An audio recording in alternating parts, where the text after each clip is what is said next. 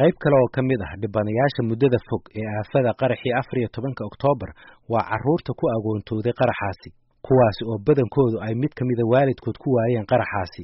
Qayb yar oo ka mid ahna labada waalidba ay ku waayeen.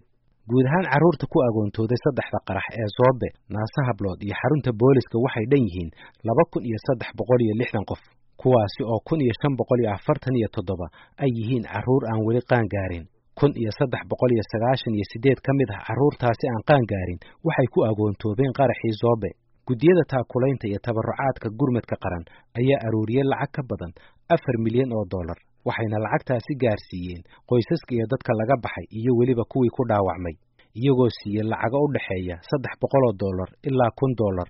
Cabdulaahi maxamed shirwac waxa uu ahaa guddoomiyaha guddiga taakulaynta iyo tabarrucaadka ee gurmadka qaran oo loo magacaabay taakulaynta dadka ku waxyeeloobay qaraxa iyo ehelada dadkii ku baxay iyo kuwa ku agoontoobay masiibadaasi. Carruurtaasi horta badankoodu boqolkiiba siddeetan iyo shan sagaashan waxa weeyaan xamar dadkii dadka degan ayay yihiin. Laakiin waxaa jiray carruur muxuu ah mataqaanaa dhinaca gaalkacyo jirtay waxaa jirtay baydhabo walnaweyn ayaa jirtay qoryooley ayaa jiray. Marka waxa weeyaan waxaa jiray xataa carruur aanu si rasmiya xogtooda u ogaan weynay oo diaasbarada dad ka yimid oo dhintay ay ay dhaleen ayaa ayaa jiray. Marka carruurta badankoodu waxa weeyaan soomaaliya joogeen dadkooda ayaana lagu taakulaynayay meel aan annaga carruurta ku ururinay ma jirto cid annagana soo wargeliday oo carruurtii agoonta ahayd meelaan ku ururiyana ma jirina ma jirto. Marka sidaas daraaddeed waxaan ictiqaadinaynaa carruurtaasi inay la joogaan waalidkoodii haray ama dad ehelaa inay la joogaan. Sidaas ayaan annagu ku taakulaynayna ma ahayn meel meel gaaran isugu ururina ma jirto maxaad u qabateen ilaa hadda loo qabtay qoysaska ay ka baxeen iyo carruurahooda wa waxa weeyaan waxaan anagu qabanay horta sideednaba waxaan qabanayna anagu waxay ahayd lacag baanu helin lacagtaas ayaanu marba qayb siinaynay. Markii hore qoyska laga dhintay waxaanu siinaynay saddex boqol oo aan niri aaskii iyo muxuu ah mataqaanaa qarashkii ku galay iyo dawadii ayaa la siinayay. Qofkii dhintay iyo qofkii dhaawacmay ayaa laga simayay intii aan anagu soo gaarnay intii aanu hayna liiskooda. Markii xigay carruurtii ayaanu waxaanu siinay haddana muxuu ahay saddex boqol cunug kasta oo markaasi agoon ahaa. Oo ka mid ah kun iyo shan boqol iyo afartan iyo toddobadaas ka ka mid ahaa saddex boqol aan siinay.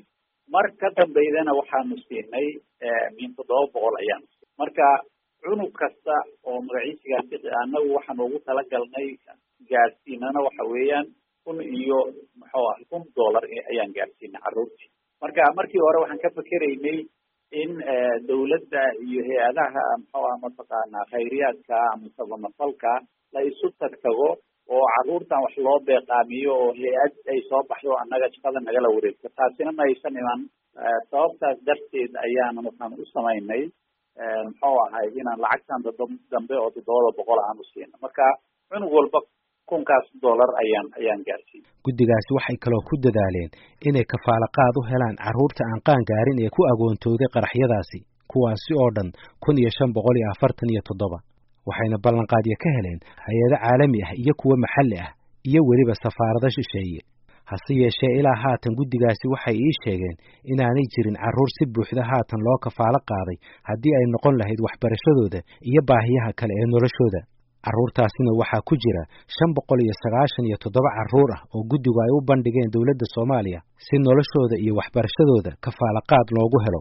Walahi culayska horta ugu weyn oo aan anaga awalwalka badan nagu hayay nolosha dadka soomaaliyeed ayay la mid yihiin oo muxuu ahay kala duwan ama carruurta iyaga da-dooda ayay nolosha la mid yihiin. Laakiin arrinta oo welwelka gaarkaa lahayd waxay ahayd carruurtaasi intoodii waxbaran jirtay. Inaysan waxbarashadoodii seegin. Lacagtii hore aan u reebnana waxay ahayd carruurtaa waxbarata sidii muddo loogu sii wadi lahaa waxbarashadooda. Horta taasi way jirtay. Waxaa jiray oo kale carruur oo muxuu ahay markoodii hore ay hayeen dad ehela ah oo dadkii ehelaha ahayna ay dhinteen waalidkoodiina horey oo u sii dhintay oo u baahnaa markaasi in meel kale la geeyo. Ayaa iyagana iyagana jiray. Tiradooda aan anagu haynana ma badnayn. Wax yar bay ahayd. Kuwaas marka arrinta aayatiinka carruurta ee dhinaca waxbarashada ah ayaa ayaa ayaa maaragtay welwel noogu badnayd. Marka waxaanu bilownay inaanu hay'adaha samafalka iyo dawladaha qaarkood aynu xiriir la samayno. Mathalan hay'addan la yidhaahdo qatar charity oo kaleeto waxay markii hore noo sheegeen in oon liiskooda siinay shan boqol oo carruur ah inay kafaalaqaad u raadiyaan muxuu ahay safaaradii imaaraadka oo iyaduna la soo xiriirtana waxay sheegeen in amiirkoodu uu amar ku bixiyey saddex boqol oo caruura inay kafaalo qaadaan iyagana liiskoodii waanu siinay saddexdii boqol. Waxaa kaloo jiray hay'ad kaleeto oo la yidhaahdo guddiga gargaarka africa oo iyaduna u raadinayday boqol iyo konton carruur ah kontomeeyo kaleeto iyo boqol iyo kontonna qolo kale oo markiiba noo sheegtay inay adag tahay si wax ku helaan ayaan iyagana ku wareejina marka carruur adiga sagaal boqol iyo konton ilaa kun ah ayaanu ku talagelaynay markaan annagu shaqada wareejinaynay inay helaan kafaalaqaad waxbarasho. Ma heleen marka? Maya weli ma aysan helinin. Ma weli ma helinin. Waayo waad iska taqaanaa markii aan annaga ku wareejinay kabacdi ayay ayay waxay u qorteen mashaariic meelihii ay wax ka heli jireen. Marka dhammaantood way waxay ii sheegeen inaysan weli waxba u helinin. Marka carruurtaas dhammaantood kun iyo shan boqol iyo afartan iyo toddoba cid weli kafaalo qaaday waxbarashadooda ma jirto. Maya ma jirto. Inta aan ognahay ma jirto. Dowladda soomaaliya iyadu maxay idiin sheegtay markay noqoto kafaalo qaadka ama daryeelkooda kale dawladdu waxba nooma sheegin laakiin markii aanu annaga shaqada gabagabaynaynay ayaa waxaanu xafladii gabagabaynta ama soo xiritaankii waxaan ku qabanay duq xarunta gobolka banaadir. Marka duqa magaaladana waa joogay dawladdana waxaa ka joogay ra'iisul wasaare ku-xigeenka. Waanan u sheegnay intaasoo caruura oo lacag oo carruur ku dhow tiradoodu kun ku dhowna in kafaalaqaad laga sugayo oo loo baahan yahay in la sii dabagalo oo hay'ad dawladeed ay dabagasho kuwa kaloo harana in dawladda laga rabo. Marka xogtaasina way haysteen oo report warbixintii aan bixinay iyo codsi gaara oo aan ka codsanay caruurtaasi dawladdu iska xil saarta ayaan anagu samaynay. Meeshaas aana noogu dambeysay marka caruurtaasi waxay ku sugan yihiin de waxaa dhibaatada guud ee waddanka jirta. Caruurta lamidka ahi ama dadkii horey u dhintay ama gadaal ka dhintay waalidkoodii waaye waxa ay ku sugan yihiin. Marka way dayacan yihiin de dabcan waxaynu u baahan yihiin in loo gurmado oo waxbarashadooda maaragtay la kafaalo qaado ayay aad ayay u baahan yihiin sidaan malaynayno. Laakiin annaga shaqada markii aanu joojinay oo aanu ka baxnay wixii ka dambeeyey warkama hayno qoysaskan laga baxayo carruurta ku jirto mayay leeyihiin dad isku xiran ama urura ama u dhaqdhaqaaqo xuquuqdooda u dooda? Miyay leeyihiin oo maaragtay arrimahan sii dabagala? Maya ma ma ma intaan ogeyn ma lahayn. Laakiin waxaa jiray dadka waa aad bay u kala duwan yihiin. Waxaa jira qoys afar iyo toban caruura oo adigu soddon caruura ayuu ka dhintay. Laakiin markii dambe on ogaanay afar iyo toban ayaa qaangaar aan ahayn. Afar hooye ayaa kala dhashay. Marka waxay kala joogeen kismaayo iyo iyo muqdisho ayay ayay kala joogeen. Marka dadkaasoo kaleeto way adag tahay in ay dad u dooda carruurta haddaysan helinin ay iyagu muxuuha mataqaana ka baxaan. Marka yacni dhibkii weyneyd oo dhacday baa cid waliba hiballa-an kariirtay. Marka meeshaasi waxaa loo baahnaa waxay ahayd hay'ad inay soo baxdo oo hay'ad dawliya ah ama wasaaraddan masalan gargaarka oo kaleeto ama hay'adaha kaleeto ee carruurta daryeela ay soo baxaan oo iyagu ay u sameeyaan muxuu ahay inay u qareemaan oo ay u doodaan ayay ahayd. Laakiin dadka dhibaatadaasi ku dhacday is-urursi iyo muxuu ahay inay wax samaystaan iyo aad bay u adkeyd dadka dhib weyn baa gaartay. Tirada guud ee dadka loo sameeyey gurmadka waxay dhan yihiin saddex kun iyo saddex boqol iyo konton iyo lix kuwaasi oo isugu jira eheladii dadkoodu ay geeriyoodeen kuwii ku dhaawacmay iyo weliba dadkii ku agoontoobay. Maxaa dhiboo mustaqbalka uga iman kara ciyaalkan haddii aysan daryeel waxbarasho mid caafimaad iyo dee ku mid kale iska badaaya aysan helin? Maxaa dhiba uga iman kara reerahay ka dhasheen iyo mujtamaca guudba wallahi waa waa waxa weeyaan dhibta ku imaan kartaa waxa weeyaan waa horta dhib nololeed inay ku timaadaa dhici kartaa dhib caafimaad ayaa ayaa iman karta oo weliba xagga dhimirka ah. Waxaa iman kara muxuu ahay inay dee caruurtaas bacood ka haraan oo aysan waxba baranin. Waxay noqon karaan dad u nugul in maaragtay dadkan xoogan dagaalamaayay inay maaragtay ay ay ay ay qortaan ayay ayay noqon kartaa waxay kaloo noqon karaan dad adigu maaragta halis u ah waxyaabahan maandooriyaasha u ah ayay noqon karaan.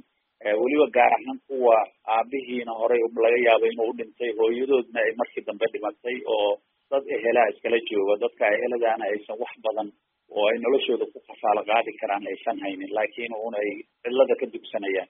Carruurtan kun iyo shanta boqol iyo afartan iyo toddobada imisaa labadii waalidba ku waayey dhacdadan may jiraan kuwa saas way way jiraan laakiin aad bay u yaryihiin kuwa labadii waalid yareeyaan ma hayo xogtaas ma hayo laakiin aad bay u yaraayeen. Kuwa labadiiba meesha ku waayey laakiin waxaa badan kuwa labada waalid horey u dhintay mid u dhintay kii kaletana uu hadda dhintay.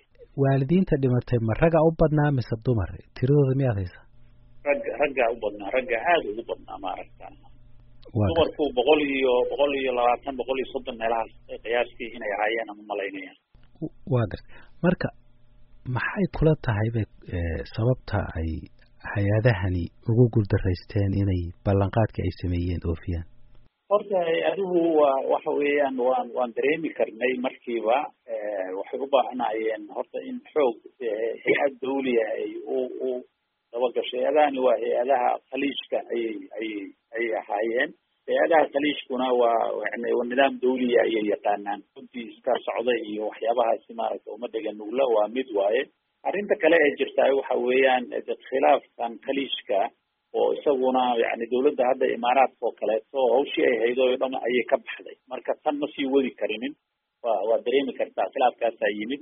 Khilaafkuna wuu saameeyey. Qadarka xataa qadarka waxaa la ii sheegay in diridda lacaguhu ay culays badan uu ka jiro inay inay jiraan oo xataa carruurtii agoonta ahay ay hayn jireen qaarkood ay ulaayihiin maaragtay aysan u haynin lacagihii loo siin lahaayeen aan weli la keenin. Marka aniga waxay la tahay dagaalka khaliijka khilaafka khaliijka guud ahaan iyo dabagal oo dawli ah oo aan aan aan aan jirinin. Labadaas ayaa ugu weyn baan u malaynaya hay'aduhu dee dabcan way qorteen inay mashaariic weydiistaan hay'adihii wax siin jiray laakiin waxay u baahnaayeen muxuu ahay gacan dawladeed inay helaan. Dhinaca kalena waxaanu isku daynay inaanu la xiriirno mas'uuliyiinta dowladda soomaaliya oo uu ku jiro xafiiska ra'iisul wasaare ku-xigeenka mahdi maxamed guuleed. Si aan wax uga weydiino sababta loo fulin waayey ballanqaadyadii kafaalaqaadka ahaa ee loo sameeyey carruurta ku agoontooday qaraxii afar iyo tobankii oktoobar balse ilaa haatan nooma suurto gelin in mas'uuliyiinta dowladda aanu ku qancinno inay ka jawaabaan su'aalaha ku saabsan agoonta qaraxii afar iyo tobankii oktoobar